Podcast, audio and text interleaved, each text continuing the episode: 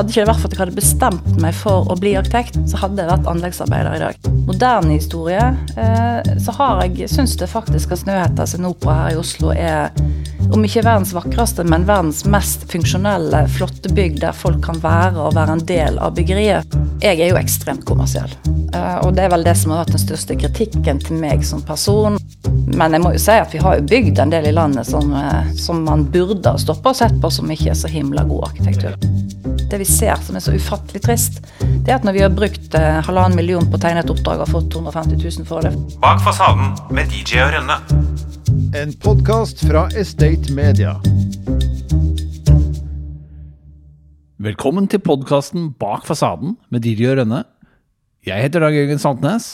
Og jeg heter Silje Rønne.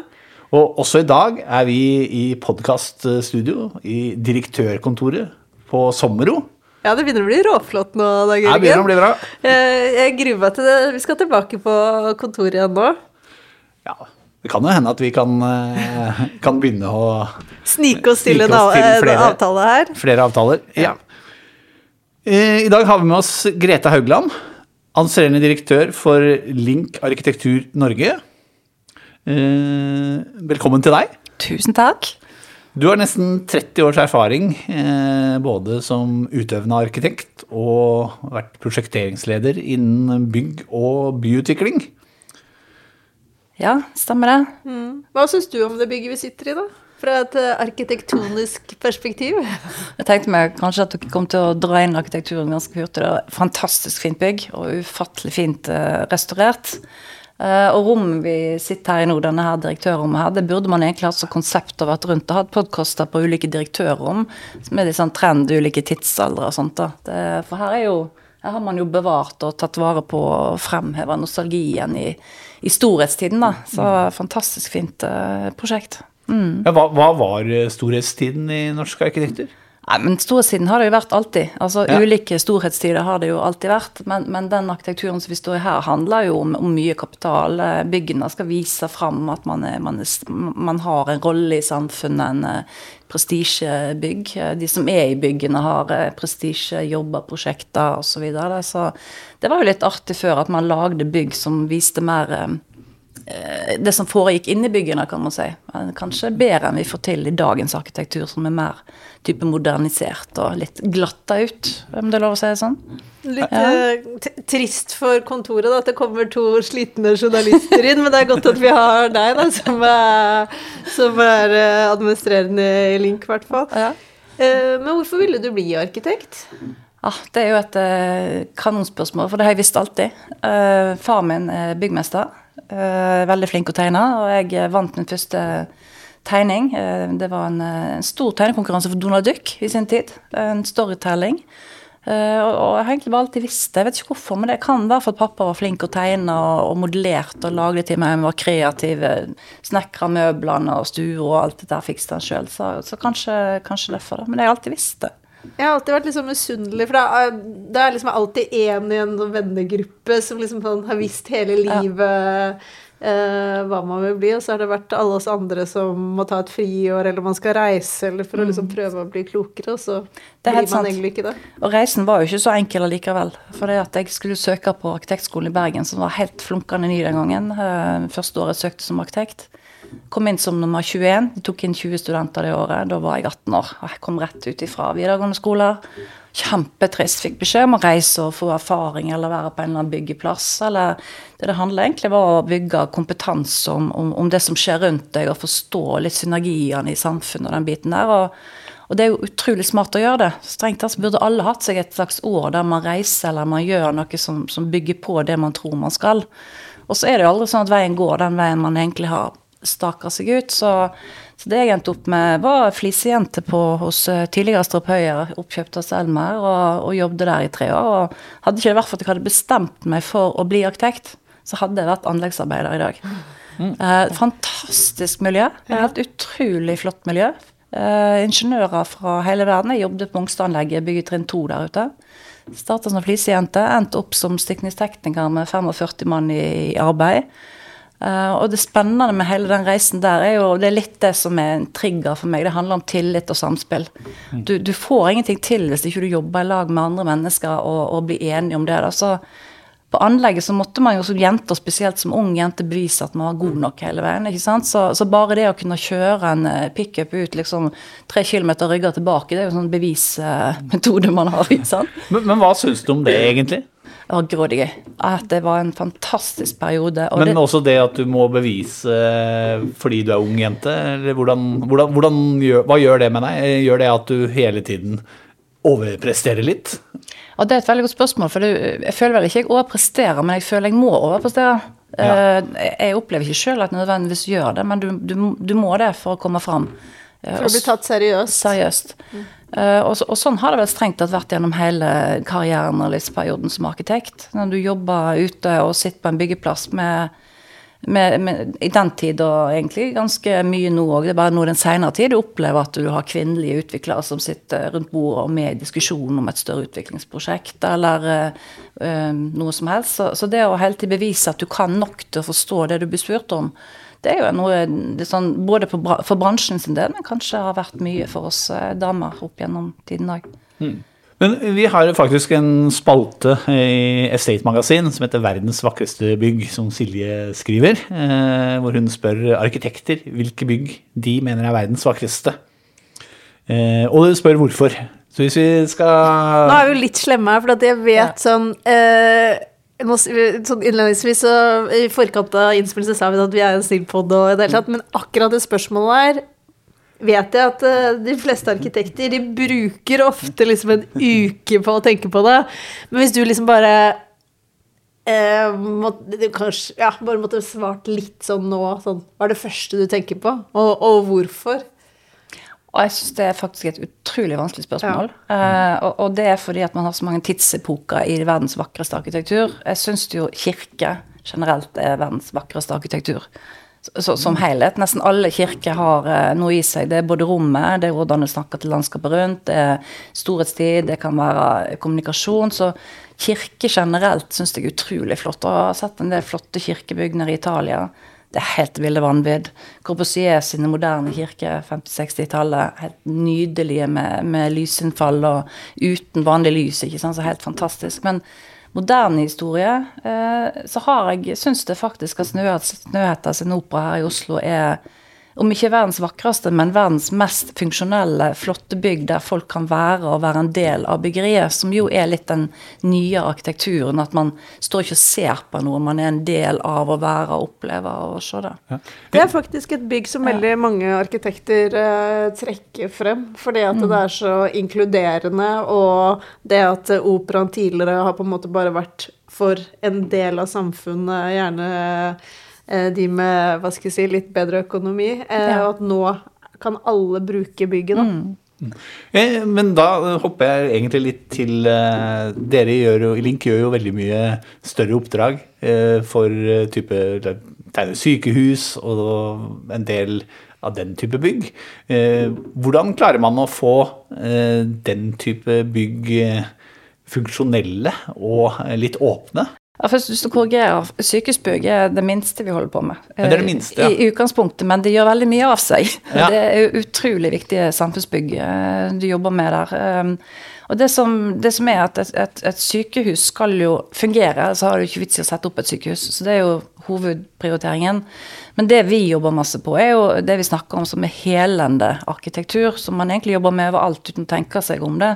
Altså det å komme inn i en resepsjon og trykke på en, en, en dataskjerm og gå i etasje sju, det gjør at du antageligvis, i hvert fall forskning tilsier, at man kanskje blir dårligere av det. Men står det et menneske der og sier men velkommen, hvor skal du i dag? Altså Man jobber med Og det, det er menneskeligheten, og så er det arkitekturen. altså Hvordan er rommene utformet, fargen utformet, måten man går igjennom. Så vi, vi tenker hele arkitekturen når vi jobber med sykehus. Eh, og det er bevist, det er forsknings, heldigvis. Alt må være evidensbasert i, i den bransjen der spesielt. At det har veldig mye å si hvordan man lager arkitektur uh, for at folk skal bli bedre. og vi har et stort, flott prosjekt i Danmark med, med der man screener eh, kreft. Eh, der man har jobba veldig med, med måten man kommer inn i, måten man blir håndtert på, måten man blir tatt inn i undersøkelsesrommet. er bare en bitte bitte, liten øyeblikk av opplevelsen når du har vært i, i den settingen der. Så det går egentlig Altså Sykdommen blir du ikke kvitt, men du går ut da med at du har fått med deg noe annet. Du har fått med deg en, en, eh, ja, en det vi ofte kaller for en helhetsverdi. høres litt dumt ut, men det er både lukter, lyder og følelser som gjør at du Ja, det er godt å være her, rett og slett. Når yrkesstolthet er standard, blir høy trivselsfaktor på arbeidsplassen en selvfølge. I Bundegruppen vet vi at det er du og jeg som kan utgjøre forskjellen. Derfor er vi så opptatt av verdigrunnlaget vårt folk. Folkeskikk, orden, lagånd og kundefokus. Folk skaper verdier, og verdier skaper folk. Finn ut mer på bundegruppen.no. Vi skriver mye om kontorbygg, og da er det jo I hvert fall nå så skal jo på en måte bygget veldig tilrettelegge for hvordan arbeidsflyten din blir, hvordan du ja, beveger deg, hvordan du velger å jobbe. Eh, Ja. Tenker du liksom at bygget Har det så mye å si, eller er det Det har ekstremt mye å si.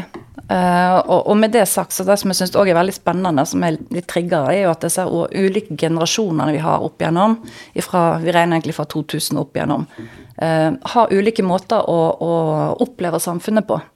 Eh, eh, og nå er vi inne i snøfugg, eller den er på vei ut-bransjen, der man ikke har anledning altså Man må være veldig forsiktig med hva man sier til folk, de må, må ha det sånn som de har det, eller så bytter de arbeidsgiver, eller fins det noe annet å gjøre. Så det er litt sånn det er måten man er oppdratt på, måten man lever i samfunnet på, som gjør egentlig at man har måttet se på løsninger i arbeidslivet som gjør at alle har lyst til å være der. For det er det det handler om. Hvis ikke du får de arbeidstakerne du skal ha, så får du ikke en god bedrift. Eh, og det handler ikke egentlig om logistikk og flyt. Det handler om at du skal ha en god dag på kontoret. Som om du satt hjemme og hadde en god dag hjemme på ditt eget eh, kontor. Så det du skal kunne når du føler for deg det er å sette deg i en god stol, ta med deg laptopen eller bare sitte og høre på musikk, og så tenker gjennom det neste kundemøtet, eller tenker gjennom det du gjør, så går du tilbake igjen og så- gjør du konsentrasjonsarbeid. For det vi har sett lenge, at man sitter og gjør konsentrasjonsarbeid fordi at man har x antall timer man må gjøre det. Men man blir ikke kreativ av å sitte sånn. Det gjør man når man liksom beveger seg litt rundt, treffer kanskje dere med kaffetraktene, hører om et eller annet dere har opplevd der, og så blir det koblinger og nettverk på den måten der. da. Så det handler egentlig om å lage arbeidsplasser som er tilpassa for at man kan være kreativ, få input, og gjøre at man er liksom i produksjon når man eh, skal være det, da. Så, Hvilke prosjekt er du mest stolt av? Som Oi. dere har gjort? uh, nei, det, det har jeg ikke tenkt å svare på. Uh, vi, er, vi er 260 arkitekter. Ja. Vi, uh, vi har veldig masse prosjekt vi er veldig stolte av. Men det som er veldig gøy, er jo når vi blir hedra med prosjekt. Og det siste prosjektet vi ble hedra med, var jo i eh, Bergen kommune sin byggeskikkspris i Bergen for kontorbygget til Entra. Og det må si, det er jeg veldig veldig stolt av. For det, det er ikke bare bygg i seg sjøl, det er samarbeid vi har hatt med Entra sine, sine dyktige utviklere og entreprenørene som gjør at man får et prosjekt som står seg, akkurat som det bygget her. Det kommer til å stå i x antall hundre år. Um, og det er et byggeri nettopp som skal stå seg. Det skal ikke liksom forventes at man skifter fasadene om, eh, om liksom fem-ti år når garantien er gått ut av den biten der. Så det, det er et vanvittig fint prosjekt, syns jeg. Arkitektonisk, tilpassa miljøet og byene, altså bygaten. Fått alt til å flyte der. Og de som leier der inne, er foreløpig, så vidt jeg vet, kjempefornøyde. Og så er det veldig gøy når kunden får høy utleiepris for det man er med på å utvikle, for det betyr at det er en suksess. Man drar opp eh, markedsverdien lokalt i området og med å skape aktivitet. Altså, det er jo kjempespennende. Jeg tenker Dere jobber jo ja, flere steder i landet, men da både i Bergen og i Oslo. Liksom, hva er den største forskjellen der sånn byutviklingsmessig? Jeg vil lyst til å korrigere litt, da. Vi er jo i, i flere byer. Uh, og for Links en del så er vi jo Fredrikstad, Oslo, Stavanger, Bergen, Trondheim og for øvrig over hele landet, men det er hoveddestinasjonene våre. Men forskjellen på byutvikling Bergen og Oslo er bare at byene er litt ulik størrelse på. Ehm, ehm, og nå er jo jeg bergenser da, og jobber lengst i Bergen, Uh, og begynner å kjenne Oslo mer og mer. Men uh, det er vanskelig å komme til Bergen og tro du skal få til noe, å være utlending. Eh, Der opplever jeg at Oslo er mer åpen for at andre aktører kan komme inn og være med i et byutviklingsprosjekt. Men snakker feil dialekt i Bergen kan være utfordrende i starten til du har fått tillit. Og da igjen det med tillit og bevise at du forstår eh, lokalpolitikk og, og den biten der, da. Det har vel blitt ganske mye bedre. Eh, Jeg husker noen år siden, jeg tror jeg hadde en artikkel Berg, Bergen for bergensere, som gikk på at det var jo ingen eh, utenfra Bergen som kjøpte eiendom i Bergen, Nei. fordi de delte broderlig seg imellom, virka det som. Så det har jo vært en del endringer der også, eh, kanskje i takt med at kapitalen har kommet. Jeg husker du, du har snakket om det, eh, og så har jeg tenkt på det. Ja, det medfører riktighet. Og så har vi vært en periode nå når man ikke har transaksjoner. Og hva skjer da? Jo, da er det bergenserne sjøl som gjør transaksjoner. Så nå er jeg litt usikker på om vi rykker litt grann tilbake i, i, i den kurven der, eh, på den måten der, da. Men vi har store utviklere som har hovedsetet sitt i Oslo, som nå utvikler i Bergen. Eh, Det har vi. Men du pendler til Oslo Ja, det gjør jeg. fast, eller? Ja, så fast som det kan bli. Sånn ca. annenhver uke, eller så blir det fort hver uke. Ja, det gjør jeg. Hvordan er det? Uh, jeg, har lyst, jeg har en veldig gøy jobb, så jeg syns det er veldig greit å gjøre det. Uh, men eh, hvis, hvis, hvis de var møte en fredag ettermiddag, og de andre setter den til halv fire, så syns jeg det er litt uh, dårlig gjort, om du lover lov å si det. For da er ikke jeg hjemme igjen før åtte-halv ni om kvelden, og så er det mandag morgen i morgen tidlig, liksom. Så men jeg syns det er veldig gøy, da. Det som eh, kanskje Jeg vet ikke hvordan det er, men jeg liker utrolig godt å snakke med folk. Og, og, og alle plasser jeg er, så er det folk man kan eh, prate med på flyplasser, på toget. eh, hvis ting stopper opp, så får man nye venner, og så videre. og videre. Så det er egentlig gøy. Så du er ganske ekstrovert da òg, da? Nei, altså jo, hvis jeg kan få lov å velge det sjøl, Ja. ja. så, så er jeg ekstrovert. så ja. Men eh, vi hører at du er, og det hører jo litt fra det du sier her òg, men eh, noen av dine kolleger sier du er meget dedikert til jobben, og eh, da er målretta. Jobber du mye? Eller litt for mye? Var det, Litt for mye? Var det en kollega som, som, som sa at hun jobber kanskje litt for mye? Ehm, hvis vi, vi har jo snakket, eller snakket om før vi kom inn, om hva jeg, jeg elsker å gjøre eller driver med. Jeg elsker å jobbe. Um, så for meg så er ikke jobb et problem. For meg er jobb en glede å drive med. Uh, men jeg forstår at jeg kan dra andre med i dragsuget, så de òg blir sittende med meg når jeg sitter og holder på med et eller annet. Sånn at det kan oppleves det for mye. Men uh, jeg syns jobb er utrolig gøy. Det kunne vært hobbyen min. Eh, sånn sett, da. Så, Som en sånn work-life balance som er så liksom inne, og da Det fungerer ikke helt sånn for deg. Da er det Nei, altså Jo, det gjør jo det. Jeg har jo et, et liv jeg òg på, på utsiden. Men, men det er blitt litt annerledes de siste årene. Nå har begge guttene mine flytta ut. Eh, og før den tid så var jeg jo en del av alt det de holdt på med. Og yngste sønnen min kjørte trailer, var liksom rundt omkring i Norge, og Europa var med han på trailløp, og var den som sto i bakken og redda trailsykkelen når han datt ned, og alle de gøye tingene. Men når de da flytta ut, så, så blir det jo et slags eh, rom som man må fylle der. Men det var ikke det at jeg jobbet mindre før, men da var det mer tilpasset at man, man gjorde det livet som var da. Jeg må jo si at det å pendle tar tid. Eh, så det er egentlig det å si om pendling. Det tar tid. Så hadde jeg ikke hatt det, så hadde jeg jo jobba på en måte mindre, da. Hvor var det du vokste opp? Du, jeg vokste opp i Nordhordland ut forbi Bergen, så jeg er stril. Ekte stril. Ekte stril. Jeg tror jeg skrev eh, særoppgave om Amalie Skram. Det var vel eh, det var det striler, det òg, eller? Ja, det kan du trygt si. Og så så har det jo vært en trend å være stril, så flere og flere har jo utnevnt seg til stril. Så ja. Dialekten er dessverre litt grann utvaska, men um, At du har blitt finbergenser? ja, det er jeg ikke blitt. Det vet jeg. Når jeg hører den podkasten så hører jeg at jeg er stril fremdeles. Eh, så jeg kunne nok vært mer slipt, ja. Men eh, tilbake til at du jobber mye. Eh, Dag Jørgen her, eksempel, han er litt control freak. Er, er du det òg? Ja. Eh, Jeg er kontrollfrik på en sånn måte at jeg ønsker vi skal levere godt. Jeg kontrollerer ikke arbeidet som blir gjort. Eh, Så jeg er mer på at leveransen blir der den skal være. Eh, Men min største passion i livet, det er tillit. Eh, Å bygge tillit til det som vi, vi jobber med. da. At de får lov å utvikle seg og sånn. Og det er jo litt sånn selskapet vårt er bygd opp. Vi har jo ingen head-arkitekter. Vi har jo grupper med arkitekter som jobber med ulike kunder, ulike arkitekturer og ulike muligheter hele veien rundt. Sånn at vi Da må man jobbe med tillit. Du kan ikke sitte og, og passe på alle. Og det, og det er jo Og for jeg fikk litt dårlig samvittighet, så nå må jeg bare avbryte. For du har veldig mye tillit, og vi får lov til å gjøre akkurat som vi, akkurat som vi vil, stort sett. Men du er bare veldig opptatt av at Jeg er veldig kontrollfrik, jeg veit det. Jeg, jeg innrømmer det, men jeg jobber med saken. ja, Nei da, men du, vi har veldig mye tillit. Nei, det er en plass jeg er kontrollfrik, og det er når jeg vet at vi skal ha kundemøte. Eh, og jeg ikke har opparbeidet tillit til at den som har kundemøte, eh, på en måte har på en måte forstått hva kunden ønsker at kundemøtet skal eh, liksom ende ut med i andre enden.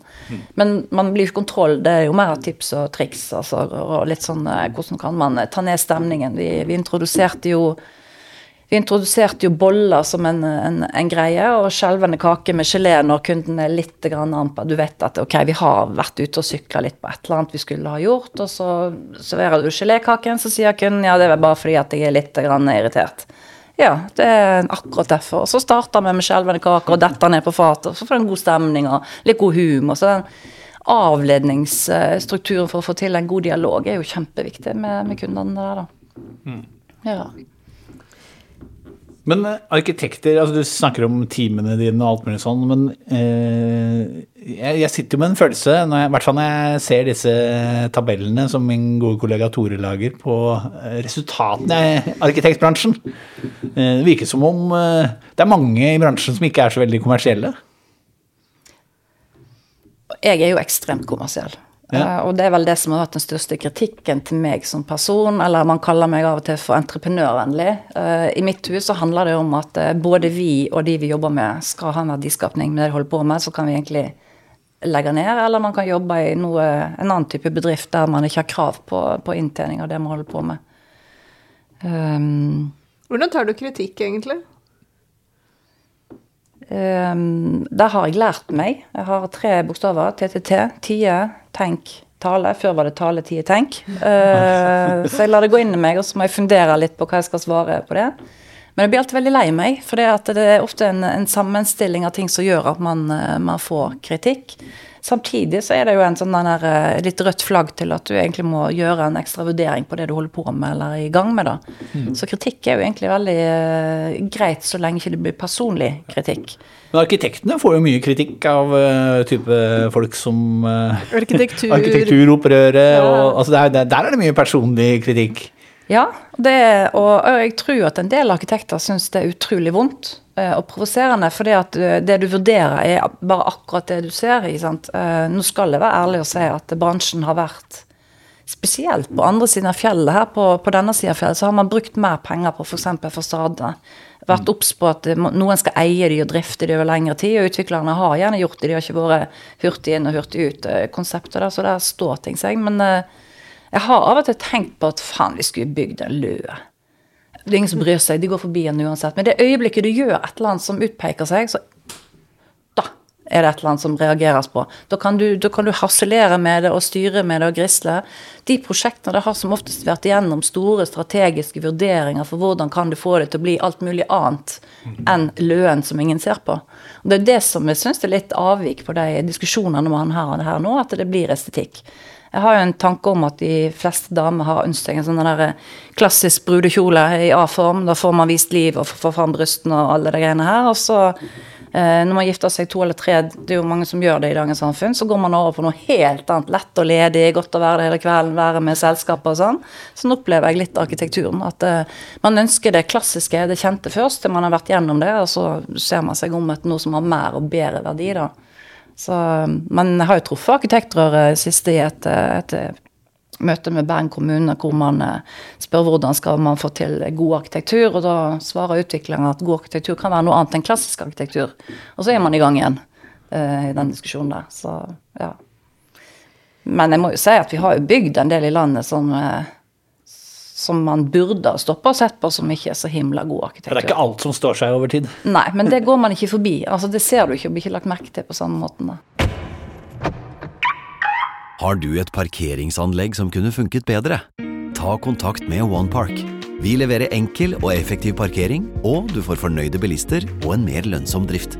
Sjekk ut onepark.no. Vi gjør dine parkeringsplasser mer lønnsomme. Vi har jo spurt um, din markedssjef, uh, Rolf eh, Maurseth, om han hadde noen morsomme historier. For jeg tenkte at uh, Rolf er jo liksom typen som kan uh, by på litt. Ja. Men da var han ganske sånn tydelig. Ingen skandaler å nevne, sa han da. Og da tenkte jeg sånn, ja, driter du deg aldri ut? Er det liksom aldri noe Jo, jeg, eh, det gjør jeg, men da har jeg så vondt i magen i lang, lang tid at eh, det prøver jeg å unngå. Jeg har egentlig hatt en strategi om å holde hodet litt nede. For begynner du å stå i den vinden, så må du fortsette å stå der, og så baller det liksom eh, litt på seg, da. Men jeg har ikke noen megaskandaler nede, det har jeg ikke. Jeg, Ikke sånn politiker, eh, politikernivå. Nei, det har jeg ikke, men, eh, men jeg har det jo veldig gøy når jeg er i, i arrangement med, med både kunder og våre egne. Da er man jo mye mer løssluppen og fri og kan by mye mer på seg sjøl, da. Så Tror du det er viktig som leder? å by på seg sjøl, jeg tror jeg er ekstremt viktig. Uh, å være veldig åpen og vise at man uh, eh, At man har et liv om at man bryr seg om folk, det, det, det tror jeg er helt avgjørende. Uh, og for min del så handler ikke det om å stå og si at du gjør det. Det handler om å gå og snakke med menneskene og, uh, forstå hva de strir med og jobber med, for å få dem til å uh, føle seg ivaretatt og sett. Da. For det er jo det vanskeligste i dag, at folk gjerne ikke ser at de blir sett noen plass. Eller, eller uh, si at du Silje, du hører at jeg diskuterer en eller annen god idé, og så springer du og, og sier at det, det er at det er kjempegod idé og sånn, og så har du stjålet hele konseptet og får hele glorien, ikke sant. Det er typisk sånn her, Da har vi folk som slutter om noen år og føler seg ja.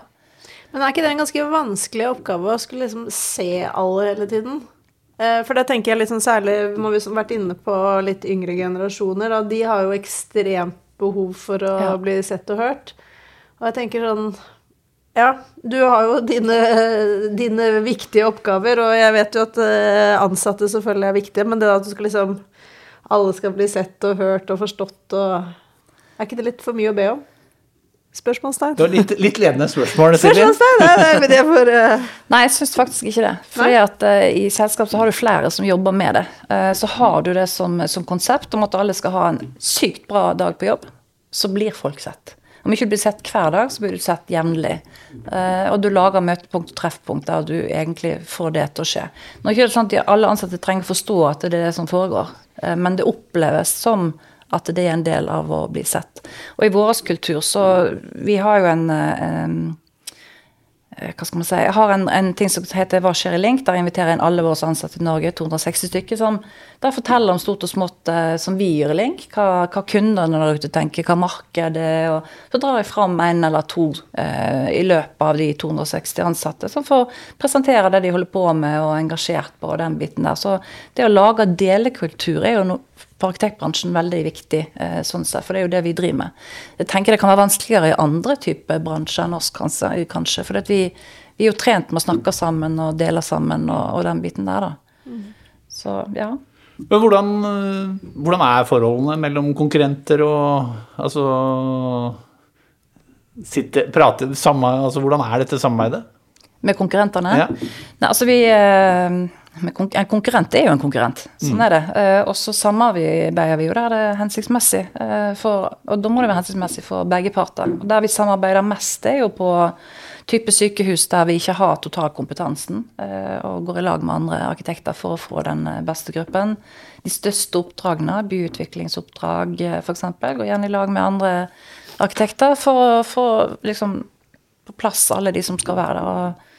Og, Men hva, hva, hva syns du om disse arkitektkonkurransene, hvor eh, dere egentlig blir satt til å gjøre ganske mange timers jobb, og så er det eh, en bitte liten gulrot som lander på én aktør til slutt, og så tror jeg de andre får kanskje 100 000 for eh, timebruken, som selvfølgelig ikke dekker en femtedel engang? Nei, det er, en, det, er en, det er en oppheta diskusjon rundt det. Og i disse dager når vi faktisk ikke har jobb Altså markedet er forsvunnet ut fra arkitektbransjen eh, for øyeblikket. Det, det er et svart hull her ute sånn som det er nå. Um, jeg syns det er en uting. Eh, og, og det har jeg jobba med gjennom alle år med de største kundene vi har hatt og utvikla. At eh, kan vi heller sette oss ned rundt bordet og drøse gjennom hva vi skal eh, bedrive. Vi må, kan gjerne gjøre et mulighetsstudie til en eller annen sum med en annen type fortjeneste på, men vi ønsker å gjøre det i lag med kundene og utviklerne. For det vi ser som er så ufattelig trist, det er at når vi har brukt halvannen million på å tegne et oppdrag og fått 250 000 for det, fordi at det ligger en gulrot der, vinner du, så kan du få Som oftest så får du jo være med videre hvis de liker deg. Men de skal også like deg. De skal ikke bare like prosjektet, de skal like personene du treffer. ikke sant? Jeg synes egentlig det er veldig trist, for at evaluering kan dette ut på så mangt. Ja, jeg likte Grete bedre enn jeg likte Christian. Og så vinner de jobben. Ikke fordi at prosjektet er bra, Men, men de endte opp med å få et prosjekt for å se at vi brukte halvannen million, så gjorde de andre det samme. Da Så da hadde vi jo bare ferdigprosjektert. Men de bruker egentlig bare det vi lager som glansbilde, eller oppfattes det av arkitektene Ja. ofte på, på å springe rundt til banker og investorer og sånt for å få litt liv i eh, prosjektet sitt. Eh, Det tenker vi kunne gjort på en annen måte. På den andre siden så er det jo ting som bør belyses av flere arkitekter. Eh, Men da kunne man jobba med det vi kalte for parallelloppdrag i gamle dager. Eh, Der du fikk betalt for jobben, den er ferdig avslutta for den summen. Og da ligger leveransen innenfor den oppgaven, og da er det jo rett og slett en jobb du har bestilt. Så man har dratt strikken litt, men jeg skal jo si at det er jo ikke de private som er verst. Det offentlige er jo de som er verst i dette GMR. Vi tegner jo skoler, eh, videregående skoler, ungdomsskoler, barneskoler, i samspill med entreprenør f.eks., eller plan og design. Og der bruker vi for 2000-3000 arbeidstimer. Det skal leveres komplette tegninger, komplett priser, klart for bygging. Eh, og da kan du fort ha brukt svidd av en to-tre millioner bare på en eh, konkurranse. Så eh, der er nå en driver i bransjen her som er litt tricky. Jeg har tenkt litt på hvorfor er det sånn. Er det kulturen vår som gjør at vi ikke ønsker å få betalt? Bidrar vi til samfunnet? Er det nok for oss? Men likevel skal folkene våre ha lønn, da. Jeg har ikke, har ikke sluppet unna det, kan man si ennå. Så jeg tar for en advokat i et prosjekt en gang. og sa, Det er jo ikke problem, du kan jo bare gå på loftet og ta med deg to glass vin og kreere litt, grann, og så kommer du ned igjen. Så fint. Eh, så man har jo den tanken om at man kreerer ganske fort. og det. Jeg kaller det for finn på helvete. Det er en kjempejobb å komme opp med de beste konseptene for det man blir spurt om. Enten det er skole, eller om det er store byutviklingsprosjekt, boliger, eller om det er en enebolig. Enebolig er jo kanskje det vanskeligste vi holder på med i så, så tilfelle. Så Du har jo ehm, hatt lyst til å jobbe i Link arkitektur lenge, har jeg skjønt. Eh, og det, det var før du, før du kom inn i selskapet, så hadde du noen søkerunder der du fikk avslag? Nei, da tror jeg Rolf har snakket over seg, for okay. jeg eh, har ikke fått noen avslag. Men, eh, men jeg ble litt uenig med lederen i det selskapet jeg var. Det er ofte sånn som skjer. Eh, og, og jeg hadde bestemt meg for at eh, Link arkitektur i Bergen da hadde, jeg, eh, da hadde jeg akkurat en nyfødt eh, sønn, så jeg skulle bli i Bergen. Eh, og de var best. Så jeg eh, går ned der og, og ser om jeg kan få jobb, ringer Rolf, har ingen problemer for å komme inn. Og sitter meg ned og har tatt med meg porteføljen min. Og da har jeg jobba eh, ja, Jeg kom jo ut i den tiden som vi nå er i, altså svart svart hulltid i 92, som refererer til finanskrise og jappetiden og den biten der. Så jeg har vært innom flere selskap før, bl.a. digital utvikling. Første nettbutikkene var jeg med og etablerte og solgte for. Og så kom jeg der, og så kommer jeg inn til Rolf, og så tar med meg de fine eneboligene jeg har tegna, og så tegner jeg eh, et svært senter oppe på Geilo, største byggevarekjeden, som var arkitektur i sin tid. Kjempestolt. Kommer inn til Rolf, setter meg ned, begynner å vise portefolien. eh, men han var jo ikke så veldig imponert, Rolf. altså, hvis man leser ansiktsuttrykket. For det, ja, ja, ja, sant, sant, så, så, ja, men vi er, akkurat nå så holder vi på i Kina, det er 400 000 boenheter der nede. Det er jo bare et lite prosjekt. Så tenkte jeg har ingenting hos Rolf å gjøre. Jeg, altså, Kina, 400 000 boenheter. Jeg har jo bare tegna liksom, sammenhengende eh, såpass, da. Så, men, eh, men på et eller annet vis så, så fant han ut at han skulle ansette meg, så jeg fikk jo den jobben. Så det var bra. Og så har han jo sagt meg opp et par ganger innimellom. Det er jo sånn som skjer. Så, men så var jeg jo utrolig heldig og veldig overraska. For når Siri Legernes var administrerende Link, eh, eh, så kom jo han og Rolf og lurte på om jeg ville lede eh, kontoret vårt i Bergen. Eh, og det var jo Øyvind som faren til Rolf som hadde først. Og så er det Rolf som kjøpte det opp på, på 98 eller noe sånt. Eh, og jeg har jo tenkt på det som en familiebedrift i evig tid. Da ble jeg satt ut. Da, da, da måtte jeg tenke meg grundig om, om om det var riktig eh, i den settingen der. Og da satt jo fremdeles Øyvind på kontoret, og han var vel gammel man har vært da, 5-6-80, og hadde litt kontor og tegna, hadde noen eh, kunder var rundt og ha Det er en gøy historie. Du overhører Øyvind da, i for gammel tid med en kunde, altså ganske hissig. Slapp av, slapp av. Vi tar bare og går ut, tar en passiere, et godt glass vin, og så ordner vi det i minnelighet. Og det tenker jeg er tatt med meg. Sånn går det an til å gjøre det. Det går an til å ta med noen ut og snakke med dem og liksom løse det i minnelighet. Men, eh, men da fikk jeg altså eh, sjefsjobben. Ja, så det var veldig gøy. veldig veldig Det er bra. Ja. Men hvis du skulle gjort noe helt annet, hva ville det vært? Nei, det er to ting jeg har hatt lyst til å gjøre. Eh, Det ene, det ene Altså, egentlig ville jeg vært på utviklersiden. Altså, jeg, jeg, har, jeg føler jeg har så vanvittig masse kompetanse på utviklingssiden. Uh, av og til så blir jeg liksom litt sånn Hva skal man si? Litt sånn uh, Ja, uh, de som har vært i bransjen lenge, vet mye. Men mange vet veldig lite, og de bytter bransje veldig ofte. Men, men de fremstiller seg som om de kan veldig mye. Vi kan veldig mye, noen av oss som er i arkitektbransjen og har vært der i de årene som vi nevnte her i stad. Vi, vi kan veldig mye. Så på utviklingssiden hadde det vært kjempegøy å vært. Og skulle jeg utdanne meg på nytt, så har jeg òg lurt på advokat. Jeg syns det er òg en eh, grådig spennende nisje å, å sitte og deale med problemstillinger. Men, men, jeg hadde ikke sett for meg papirarbeid. Det hadde jeg liksom ikke klart. da. Men kreative bransjer der man utvikler og skaper verdier, syns jeg er uansett eh, spennende. Jeg lurer på om jeg kunne vært politiker. Jeg har konkludert med det kan jeg ikke. Men du kunne jo vært det, for det var ingen skandaler, ifølge Rolf. Nei, ja, jeg hadde glidd gjennom den, antageligvis. Nei, leter du, leter du, så finner du noe. Eh, det gjør det. Men eh, ikke, som, ikke som trenger å løftes, tenker jeg. Bak fasaden med DJ og Rønne.